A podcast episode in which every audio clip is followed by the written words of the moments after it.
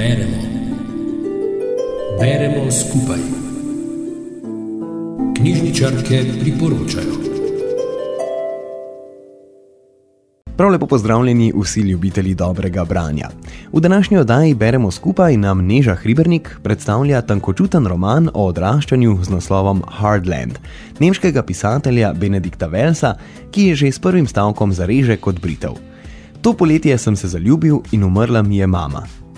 Hardland Benedikta Velsa je ganljivo napisan roman, ki govori o odraščanju na ameriškem srednjem zahodu v 80-ih letih. Zgodba sledi življenju 15-letnega sama, ki se spopada z materino smrtjo. Sam je občutljiv in inteligenten fant, ki je pogosto sam s svojimi mislimi, zanimata ga literatura in glasba. Poleti leta 85 začne delati v lokalnem kinu Metropolis, kjer spozna Kristi, Brandona in Camerona. Medtem ko se Sam sooča z adolescenco in svojo žalostjo, se zbliža z novo prijateljico, dekletom po imenu Kristi, s katero deli ljubezen do glasbe in se vanjo tudi zaljubi.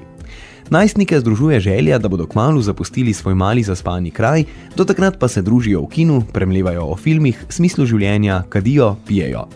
Drugi del romana pa se osredotoča na samo spoprijemanje s smrtjo njegove mame, ki ima možganski tumor. Sprijazni se s tem, da sedaj živi sam z očetom, s katerim se nikoli nista zares razumela. Roman odlikuje čudovit pripovedni slog s poetičnimi opisi mesteca, pokrajine, družbenimi in popkulturnimi referencami ter skupino prepričljivih literarnih likov, ki oživijo zgodbo. Wells ima poseben čar za opisovanje kompleksnih čustev in zelo dobro prikaže samo vzmedenost, jezo in žalost. Njegov značaj je opisan z občutkom za podrobnosti in globino, ki odraža njegovo notranjo stisko.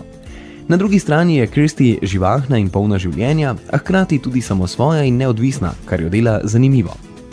Hardland je presunljiv roman, ki se dotika tem, kot so ljubezen, izguba in moč prijateljstva.